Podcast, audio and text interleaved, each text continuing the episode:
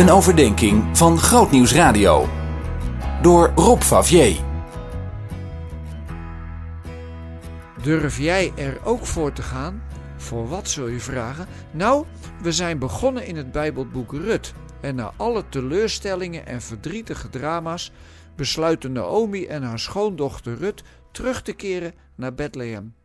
Bij aankomst herkennen de mensen haar nog, maar ze vertelt haar droevige verhaal en wil voortaan maar de bittere genoemd worden. Naomi heeft veel te veel meegemaakt om nog gelukkig te kunnen zijn. Alhoewel, ze beleeft veel vreugde aan Rut.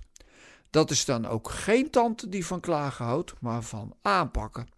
Rut berust totaal niet in haar lot, maar gaat er helemaal voor om een nieuw bestaan op te bouwen.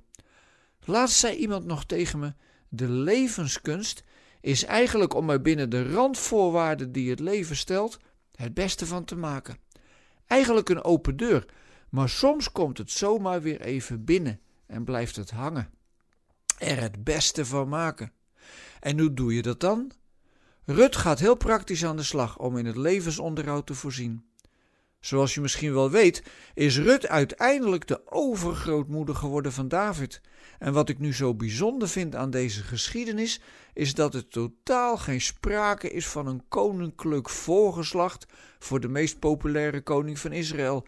Rut sluit zich zelfs aan bij de armen, om de korenaren op te rapen die de werkmannen hebben laten liggen.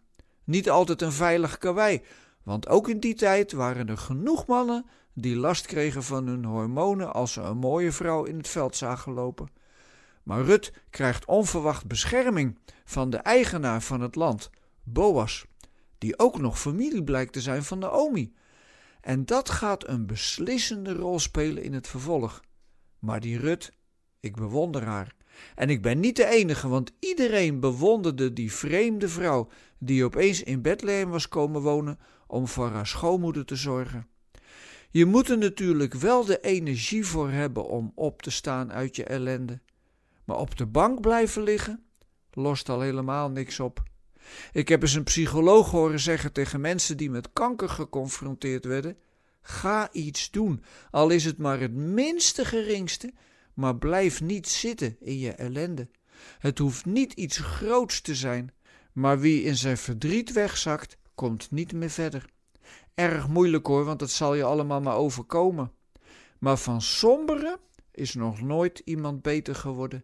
En juist omdat Rut opstaat en ervoor wil gaan, komt ze in een situatie terecht waarin er mogelijkheden komen om weer iets te doen met haar leven.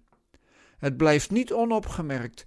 Boas prijst haar uitgebreid en geeft zijn werknemers de opdracht wat extra aren te laten liggen.